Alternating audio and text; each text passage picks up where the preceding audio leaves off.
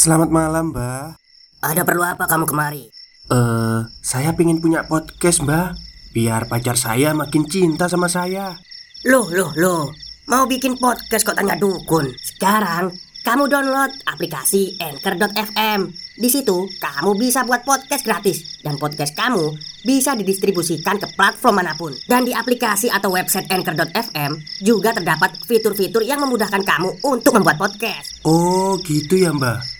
Kalau gitu, saya boleh minta password wifi-nya, Mbak. Buat apa? Buat download Anchor.fm, Mbak.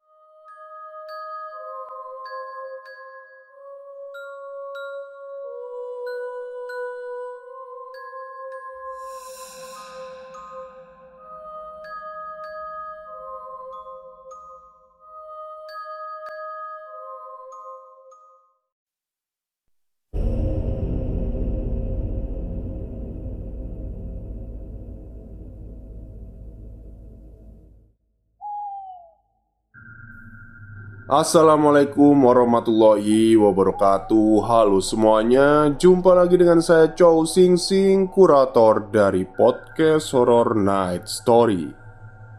Halo apa kabar semuanya? Semoga kalian semua sehat-sehat saja ya.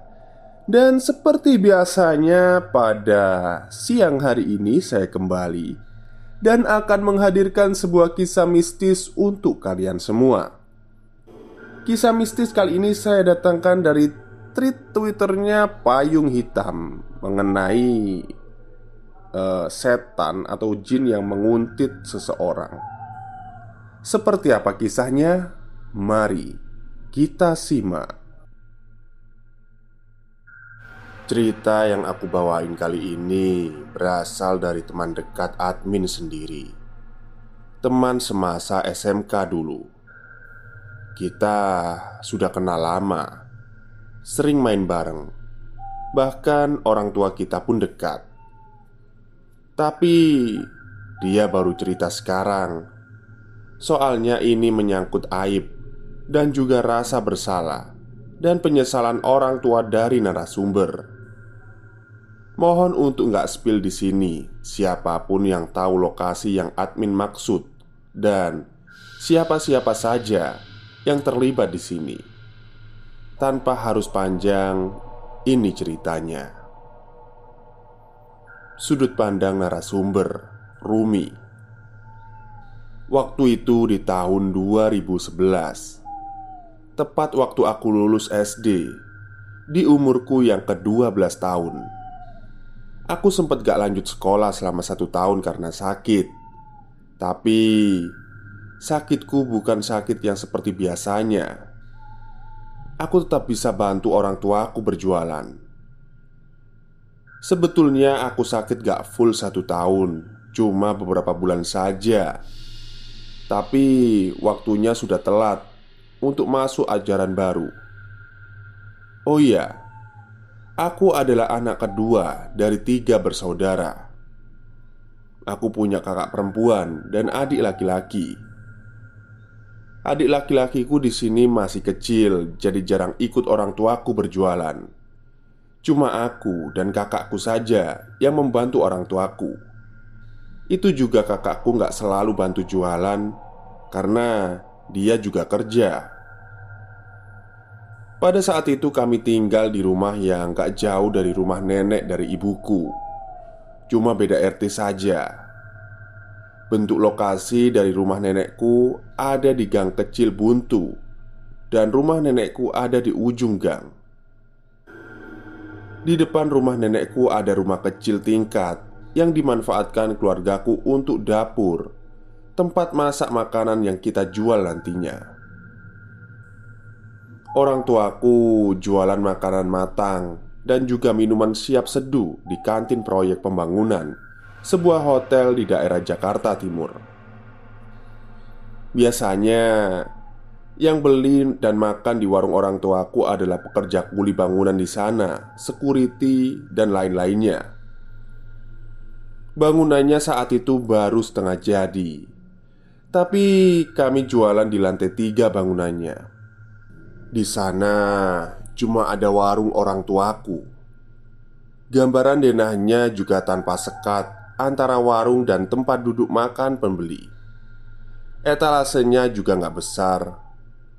Pokoknya lantai tiga itu kelihatan lowong atau luas banget karena nggak ada sekat. Lalu di tengahnya diletakkan meja makan dan juga bangku-bangkunya. Kegiatan kami selama berjualan yaitu pagi pergi ke dapur tempat kami masak di depan rumah nenekku. Setelah selesai semuanya, barulah kami set warung di gedung hotel tersebut. Jarak antara rumah nenekku dan hotel betul-betul di belakangnya, nempel dengan pagar tembok pembatas pemisah hotel dan pemukiman warga. Hanya saja, kami harus memutar ke jalan besar supaya bisa masuk ke hotelnya. Ya, kira-kira perjalanannya kalau naik motor 5 menit Dengan jarak 150 meter Dekat kan? Makanya Kami bisa sekalian berangkat Dan bawa panci-panci berat Berisi makanan matang Kami saat itu punya satu motor jadi nggak bisa sekali jalan.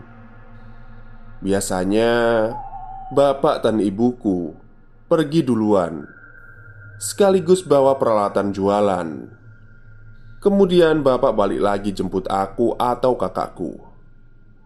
Selalu ada satu orang yang jaga di dapur untuk membantu nenekku memasak. Oh ya, saat itu nenekku masih bisa bantu-bantu masak jualan kami tapi karena ini terlalu berat Karena makanan yang kami jual banyak Kadang kita juga memperkerjakan pembantu rumah tangga Untuk membantu segalanya. Mulai dari urusan rumah sampai membantu kami jualan. Singkat cerita Pada saat itu keanehan pertama yang aku rasakan saat berjualan di sini mulai terjadi. Posisinya siang hari. Cuma aku dan ibuku yang ada di warung. Tempat duduk di depan nampak sepi, belum ada yang istirahat karena belum masuk waktunya makan siang. Tiba-tiba, waktu aku lagi sibuk dengan HP ku, ada yang bilang di depan tempat orang biasa pesan. Dia bilang, "Mbak, kopi hitam satu ya." Kata pembeli itu. Iya, sahut aku. Segera sambil cepat-cepat juga menoleh. Tapi ternyata tidak ada siapa pun. Karena aku bingung, aku tanya ke ibuku, "Bu, dengar gak tadi kayak ada yang beli? Lihat gak?" Tanya aku ke ibu. "Enggak ah, nggak ada orang," kata ibuku. "Yang benar, tadi barusan aku dengar ada yang pesen." Kata aku yang akhirnya berdebat Nggak usah aneh-aneh Gak ada orang. Kamu ini Kata ibuku. Ibuku ini memang seorang yang penakut Padahal aku cuma minta kejelasan saja. Tapi memang lama-lama merinding Karena secepat itu pembelinya pergi. Dan langsung tak terlihat sejauh mataku memandang. Yang aku dengar Suaranya seperti transpuan atau banci. Karena suaranya ngebas tapi agak melengking. Akhirnya aku takut. Ada yang gak beres Tapi aku tetap buatkan kopi hitam itu. Betul saja. Sampai sore kopi hitam itu gak ada pemiliknya. Karena aku berharap mungkin yang pesan tadi bakal balik lagi Semenjak itu aku sering sekali merasa diawasi. Tapi waktu saat di warung saja Aku bingung. Tapi yang aku rasa yang mengawasiku ada di tangga arah naik ke lantai empat. Dan sekelebat juga aku melihatnya. Itu seorang perempuan. Perempuan biasa. Rambutnya sebahu Tapi kelihatannya nunduk. Mungkin main HP Karena takut kelihatan gak sopan ngeliatin orang tanpa sebab Aku berusaha buat cuek Selama kami berjualan di sana, kakak perempuanku sesekali membantu kami berjualan. Panggil saja namanya Utari, yang juga pada akhirnya memikat hati seorang arsitek di sana. Sebut saja namanya Mas Dewa. Mas Dewa jadi sering ke warung kami karena adanya Kak Utari. Sesekali dia datang cuma mau tanya kabar Kak Utari, ngajak dia jalan, dan kami sampai hafal kalau Mas Dewa ini suka kopi hitam. Pada saat itu, kakakku udah punya pacar, yang akhirnya Kak Utari nggak bisa selalu mengiyakan ajakan Mas Dewa. Padahal menurutku dan ibuku, Mas Dewa ini orangnya berwibawa dan juga sopan ketimbang pacarnya yang sekarang. Tapi Kak Utari sudah terlanjur bucin. Tapi ya sudahlah, itu urusan kakakku. Kami nggak mau banyak ikut campur. Paling cuma suka ngeledek aja.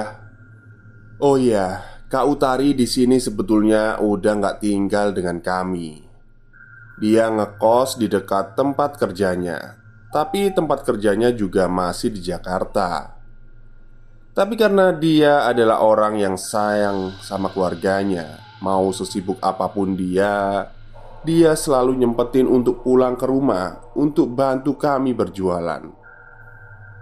Singkat cerita, karena dagangan kami laris dan gak bisa selalu mengandalkan nenekku untuk membantu kami, akhirnya kami memperkerjakan asisten rumah tangga lagi. Karena sebelumnya kami pernah punya Dan sudah berhenti karena menikah Atau punya usaha di desanya. Asisten rumah tangga kami ini kami datangkan langsung dari kampungnya di Purwokerto. Panggil saja namanya Mbak Uli.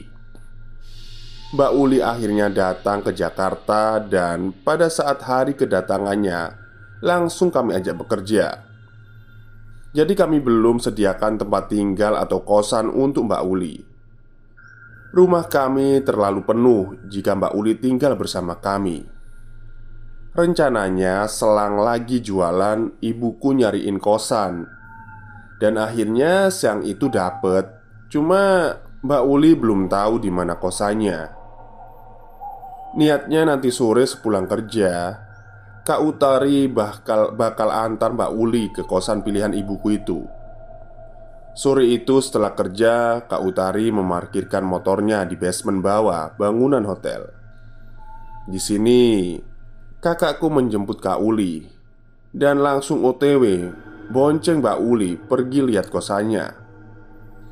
Tiba-tiba Kakakku merasa melindas sesuatu Saat keluar dari tanjakan basementnya yang akhirnya mereka berdua jatuh dari motor. Kemudian kakakku pingsan dengan luka ringan di kakinya. Sementara itu, asisten rumah tanggaku Mbak Uli kesurupan. Dibantu beberapa orang yang sedang ada di TKP, kakakku dibopong pulang ke rumah nenek oleh ibuku. Sedangkan Mbak Uli dibawa ke musola yang letaknya juga di lantai tiga hotel tersebut. Ya, lantai kantin tempat kami berjualan di sana juga. Akhirnya kakakku diobati lukanya di rumah nenek. Sedangkan Mbak Uli diinterogasi dengan beberapa orang, didoain dengan beberapa doa yang ujungnya nggak mempan juga. Akhirnya datanglah seorang ahli agama. Awalnya satu orang, dia membacakan ayat kursi tapi Mbak Uli dengan medok Jawanya bilang Kalian ngapain sih? Kalian ngomong apa? Kok cuma komat kamit? Kata Mbak Uli ke yang kerasukan Jin yang ada di tubuhnya nggak mendengar sama sekali doa yang dibacakan oleh ahli agama tersebut Kewalahan Akhirnya sang ahli agama tersebut termasuk orang-orang yang menangani saat itu Waktu itu aku di lokasi dan betul-betul mengikuti prosesinya Yang terasa sangat lama Mbak Uli nggak mengamuk-ngamuk Hanya saja perkataannya yang membandel Dan jinnya nggak mau disuruh keluar Pada akhirnya, orang pintar yang kedua datang. Pertanyaan demi pertanyaan ditanyakan. Sebetulnya, mau dari jin ini apa? Ternyata ia cuma mau bertemu dengan Mas Dewa. Cuma Mas Dewa yang bisa menjanji, menjanjikan jin ini keluar dari tubuh Mbak Uli. Diteleponlah Mas Dewa yang apesnya saat itu Dia lagi di Bogor Dan hari sudah menjelang malam maghrib malam itu Karena keadaan yang darurat Akhirnya Mas Dewa mengiyakan paksaan dari orang pintar tersebut Sembari nunggu Mas Dewa datang Orang pintar itu bertanya pada jin yang merasuki Mbak Uli. Kenapa kamu mau ketemu Mas Dewa? Kata seorang pintar itu. Saya suka sama Mas Dewa Berwibawa Baik Tapi Mas Dewa sukanya sama Utari Kata jin tersebut Dengan nada yang lenjeh genit. Setiap ditanya yang bersangkutan dengan Mas Dewa Jadi kamu iri sama Utari? Tanya orang pintar itu lagi Saya mau merasa jadi Utari Yang disayangi oleh Mas Dewa Kata jin itu kalau kamu mau jadi utari, kenapa masuknya ke badannya Uli? Kata orang pintar itu bingung. Saya maunya ikut utari, tapi saya nggak tahu kenapa masuknya ke sini. Kata jin itu. Stop, stop, kita break sebentar. Jadi, gimana? Kalian pengen punya podcast seperti saya? Jangan pakai dukun, pakai anchor, download sekarang juga gratis. Intinya, setelah interogasi panjang dan muter-muter, di situ aja jawabannya. Disimpulkan kalau jin perempuan yang memasuki Mbak Uli rencananya merasuki kakakku, tapi pengakuan bapakku, ia selalu ngajiin kakakku sebelum tidur, dan kakakku rajin ibadah lima waktu. Bapak sekarang bawa anak bapak jauh-jauh dari sini. Diusahakan perginya kena angin ya pak. Jangan naik mobil. Kata orang pintar itu menyuruh bapakku. Awalnya di situ aku yang disuruh pergi sama bapakku Anak perempuanmu yang satunya lagi pak Yang harus pergi.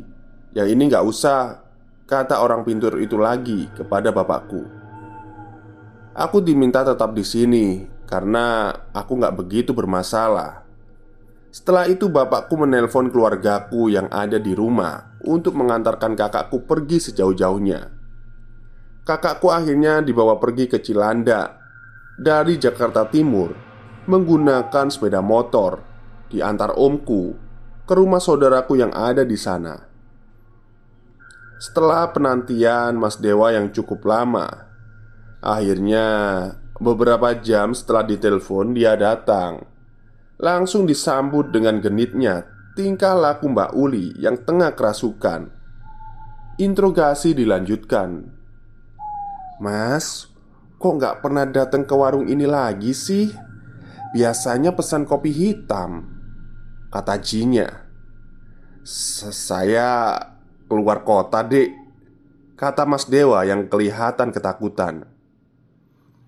Kan saya mau ketemu Mas Dewa Saya kangen Kata Jinya Sambil membetulkan rambutnya berulang kali.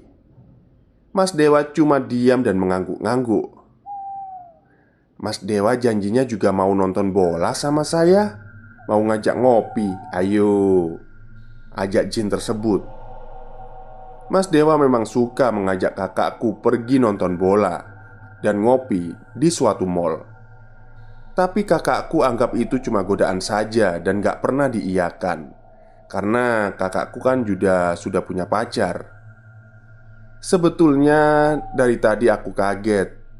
Tapi di sini Aku benar-benar makin yakin dan kaget. Karena Mbak Uli yang baru kerja sehari Bisa tahu kebiasaan Mas Dewa. Bahkan Mbak Uli gak kenal Mas Dewa sama sekali. Yang artinya Mbak Uli ini betul-betul kerasukan. Ya, awalnya aku nggak percaya soal kerasukan. Saya mau pergi dulu. Tolong jangan ganggu Utari lagi. Kamu tolong balik aja. Jangan ganggu kami ya. Saya mohon, Dek." Ucap Mas Dewa yang sedari tadi kelihatannya mulai tenang. Sambil kelihatan agak marah ekspresi Mbak Uli Akhirnya orang pintar tersebut mengolesi semacam minyak di tubuh Mbak Uli Yang membuat jinnya kebauan Meronta-ronta marah-marah. Sudah dibaluri sedikit tapi tetap saja tidak mau keluar. Akhirnya dibacakanlah kalimat syahadat. Tapi jin itu malah mengikuti bacaan itu Ashadu Allah Udah gitu aja. Betul-betul jengkel melihat tingkahnya. Betul-betul sulit untuk diusir. Akhirnya Mau nggak mau disiram minyak sebanyak-banyaknya Sampai tumpah ke karpet musola. Karena tumpahnya ke karpet Saking geramnya Orang pintar tersebut sampai meraup karpet tersebut Dan diperas supaya minyaknya keluar lagi dioleskan lagi sampai tubuh Mbak Uli melemas dan pingsan. Selepas prosesi tersebut, Mbak Uli akhirnya kami rawat di rumah. Setelah sadar, Mbak Uli nampak seperti linglung. Gak lama kemudian, Mbak Uli sakit. Yang aku sendiri sulit untuk mendeskripsikan itu penyakit apa. Intinya, dia selalu melamun. Badannya yang semakin kurus Gak menjawab ketika diajak berbicara. Pandangannya selalu kosong. Soal kakakku yang dibawa ke Cilanda itu Ia cuma menginap dua hari. Setelah itu kakakku pulang Tapi memang gak ketemu dengan Mbak Uli. Karena kakakku ngekos dan bekerja. Lagi pula kakakku diminta untuk gak nemuin Mbak Uli dulu. Karena Mbak Uli dirawat beberapa hari tak kunjung sembuh. Akhirnya kami telepon keluarganya yang ada di kampung. Dan Mbak Uli diminta orang tuanya untuk dibawa pulang saja. Dirawat di keluarganya di kampung. Kerap kali bapakku menanyakan kabar lewat telepon ke keluarganya. Jawaban keluarganya katanya Mbak Uli masih sakit Dan selalu menceritakan tentang kakakku Mbak Utari tuh kalau ngaca suka ngeliatin matanya, ngeliatin alisnya, begitu terus yang diceritain Mbak Uli kepada keluarganya. Mbak Uli nggak kunjung sembuh, sudah diobati ke orang pintar dan pengobatan alternatif pun nggak kunjung sembuh. Kenapa nggak ke medis saja? Karena keuangan keluarganya juga nggak mencukupi. Bapakku karena merasa tidak enak hati Menawarkan untuk merawat Mbak Uli di Jakarta saja Untuk berobat ke rumah sakit Tapi keluarganya menolak bapakku akhirnya cuma mengirim uang untuk keperluan Mbak Uli di sini. Berbulan-bulan Mbak Uli sakit. Tepatnya di tahun 2014, Mbak Uli meninggal dunia. Keluarganya mengabarkan ke keluargaku lewat telepon, tapi sayangnya kabar sampai setelah setelah Mbak Uli dimakamkan. Kami sangat berduka sampai terus terpikirkan di benak kami dan bapakku sempat tanya apa ada pesan terakhir yang mau disampaikan kepada keluargaku? Kata orang tuanya, Mbak Uli terakhir nanyain Kak Utari di mana. Inilah yang membuat kami shock karena kami yakin separuh jiwa Mbak Uli sudah dan masih dikuasai oleh jin yang pernah merasukinya itu. Saat itu Kak Utari yang sedang berada di kosnya sendirian Kami suruh pulang malam itu juga karena bapakku takut terjadi kenapa-napa pada kakakku. Dua tahun kemudian, singkat cerita, akhirnya kami memulai hidup seperti biasanya. Hotel selesai dibangun, dan kami mendapat pembantu baru tanpa ada halangan. Aku pun masuk SMK jurusan Tata Boga dengan lancar dan juga mengharuskan ku magang di hotel. Ya karena orang tuaku nggak mau aku magang terlalu jauh dan menghabiskan ongkos Akhirnya aku magang di hotel yang aku ceritakan tadi Tempat orang tuaku berjualan dulu waktu masih dibangun Aku magang di tahun 2016 Yang mana hotel itu sudah beroperasi dan orang tuaku pindah lokasi jualannya jadi di depan halte hotel tersebut. Awal aku bekerja tanpa hambatan sampai suatu ketika aku masuk telat.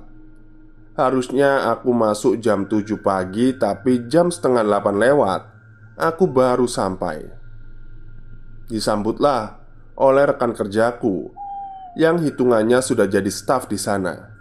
Namanya Bang Indra.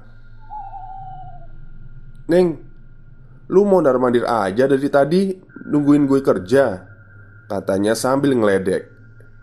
Dih, gue juga baru masuk bang Jelasku.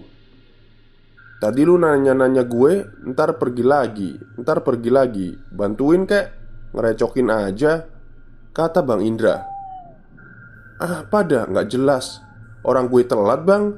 Harusnya gue masuk jam 7 Ini udah jam setengah 8 lewat Kataku Aku. Langsung berlalu saja dari Bang Indra Melanjutkan pekerjaan yang lain Seperti rutinitasku sehari-hari.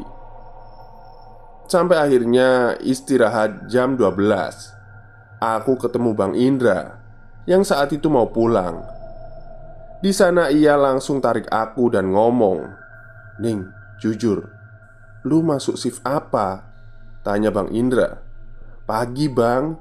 Jam 7 harusnya. Emang kenapa sih?" Di sini aku baru sadar Bang Indra tadi pagi ngomong gak main-main. Gue shift malam, Ning. Jam 12 Subuh tadi Gue lihat Pas lagi ambil barang di gudang Di musola lantai tiga Itu ada lu duduk di situ. Tempat lu biasa duduk habis sholat. Terus nanyain ke gue Bang belum pulang? Bang lagi ngerjain apa? Gitu terus Mondar mandir. Akhirnya gue tanya sama lu Kok tumben datangnya subuh-subuh? Emang lu shift jam berapa? Eh tapi lu jawab. Gue dari semalam bang nemenin lu. Gimana gue kagak merinding coba? Jelas Bang Indra yang bikin aku ingat sama kejadian kakakku dua tahun silam. Sumpah bang, gue shift jam 7 Mana ada sih anak magang boleh masuk shift malam? Tanya aja Kak Pipit tuh. Dia shift bareng aku. Dia malah tahu aku telat loh. Jelas aku yang buat Bang Indra udah gak bisa berkata-kata lagi Sebetulnya aku suka pakai sepatu di bangku depan musola itu. Dan kadang setelah sholat aku suka main HP di sana Ngobrol sama temanku di bangku itu. Aku akhirnya menyimpulkan Jin yang dulu merasuki almarhum Mbak Utari masih di sini Karena dia sering mengamati kakakku dan aku Karena kakakku nggak pernah lagi ke hotel itu. Jadinya akulah yang dikuntit Kakakku juga cerita padaku dan keluargaku Sebelum kejadian keserupanya almarhum Mbak Uli Ia sering sekali diamati dan dikuntit oleh sosok perempuan di tangga naik lantai tiga. Justru kakakku pernah jelas melihat sosoknya Tapi seperti perempuan biasa dengan ciri-ciri yang sama seperti yang aku lihat. Rambutnya sepundak Memakai baju terusan selutut warna coklat krem terang Orang pintar yang pernah mengobati Mbak Uli juga menjelaskan kalau jin ini sering kali ingin merasuki kakakku Atau menyerupai kakakku Tapi jin ini sering terkecoh denganku Karena perawakanku mirip sekali dengan Kak Utari. Setelah kejadian itu semua Kakakku menikah dengan laki-laki yang bukan Mas Dewa Atau pacarnya yang dulu Melainkan atasannya waktu ia bekerja ia menikah dengan lancar dan suaminya pun menyayanginya Dikaruniai seorang anak perempuan kala itu. Ada cerita lagi soal anaknya yang sampai sekarang gak bisa aku lupa. Entahlah ini ada sangkut pautnya atau enggak Tapi aku masih positif thinking aja. Mungkin semua anak kecil bisa melihat makhluk tak kasat mata.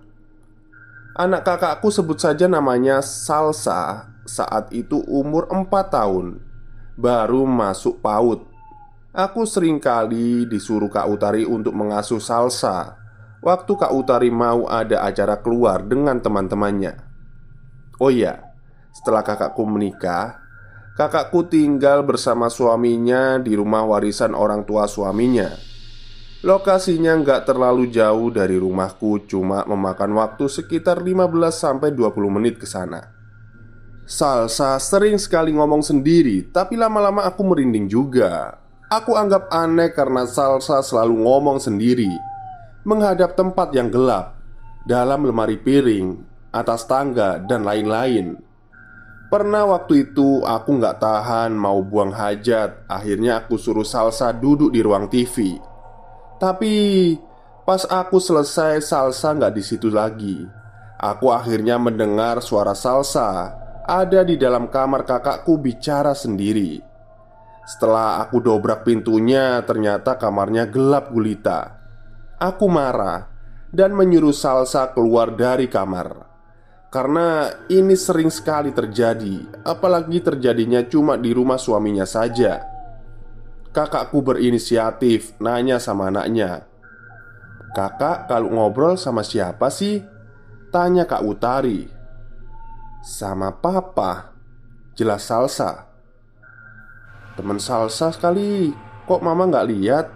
Papa kan lagi di Lampung, nak. Kata kakakku. Sama papa ih, orang sama papa Kata Salsa Yang bener jawabnya ah Teman kamu kayak papa Tanya kakakku bingung Enggak ma, itu papa Tadi papa jalannya begini Nyontoin jalan sambil membungkuk Dengan bahu agak diangkat. Penjelasan Salsa di sini didengar oleh nenekku yang punya sedikit kebiasaan. Itu yang dilihat Salsa Ari-ari bapaknya Utari.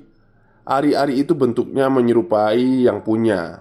Malah bajunya disamakan dengan apa yang dipakainya di hari itu. Tapi sikap dan tingkahnya kayak anak kecil. Jelas nenekku Ah, akhirnya aku makin gak mau lagi mengasuh Salsa sendirian. Gimana pun pengalaman ini sebetul-betul aku ingat dan gak bisa aku lupain. Sampai kapan pun Perasaan bersalah kami sekeluarga tentang Mbak Uli. Ketakutan akan keselamatan kakakku dan takut ada ancaman di keluarga kami mulai terjadi lagi. Aku menceritakan ini kepada sedikit sekali orang Bahkan temanku baru aku ceritakan sekarang.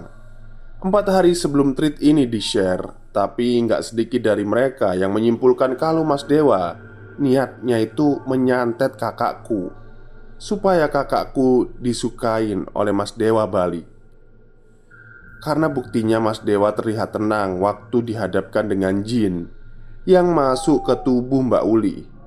Ya bagaimanapun niat orang Aku mau minta kalian tetap berdoa Kepada Tuhan Yang Maha Esa Aku mau meminta doa kalian juga pada kalian untuk mendoakan almarhum Mbak Uli. Terima kasih. Oke, itulah akhir cerita dari tweet Twitter yang ditulis oleh Payung Hitam mengenai uh, makhluk halus yang ternyata menguntit ya. Menguntit itu kayak apa ya? Mengawasi mungkin ya. Ya kayak gini loh kalau ada orang perempuan itu sering diawasi laki-laki itu kan kayak menguntit gitu ya jadi kayak gitu dan ternyata saya nggak menyangka ternyata ini ada hubungannya dengan Mas Dewa yang suka sama Mbak Utari dan sakit hati ingin uh, menyantet Mbak Utari supaya dia itu suka ke Mas Dewa. Jadi kemungkinan besar kalau di cerita ini jin ini mungkin punyanya Mas Dewa. Jadi Mas Dewa itu pura-pura nggak tahu gitu mungkin ya. Oke mungkin itu saja cerita untuk siang hari ini. Semoga puasa kalian lancar. Selamat siang dan selamat mendengarkan. Udah mendengarkan sih tadi Selamat beristirahat maksud saya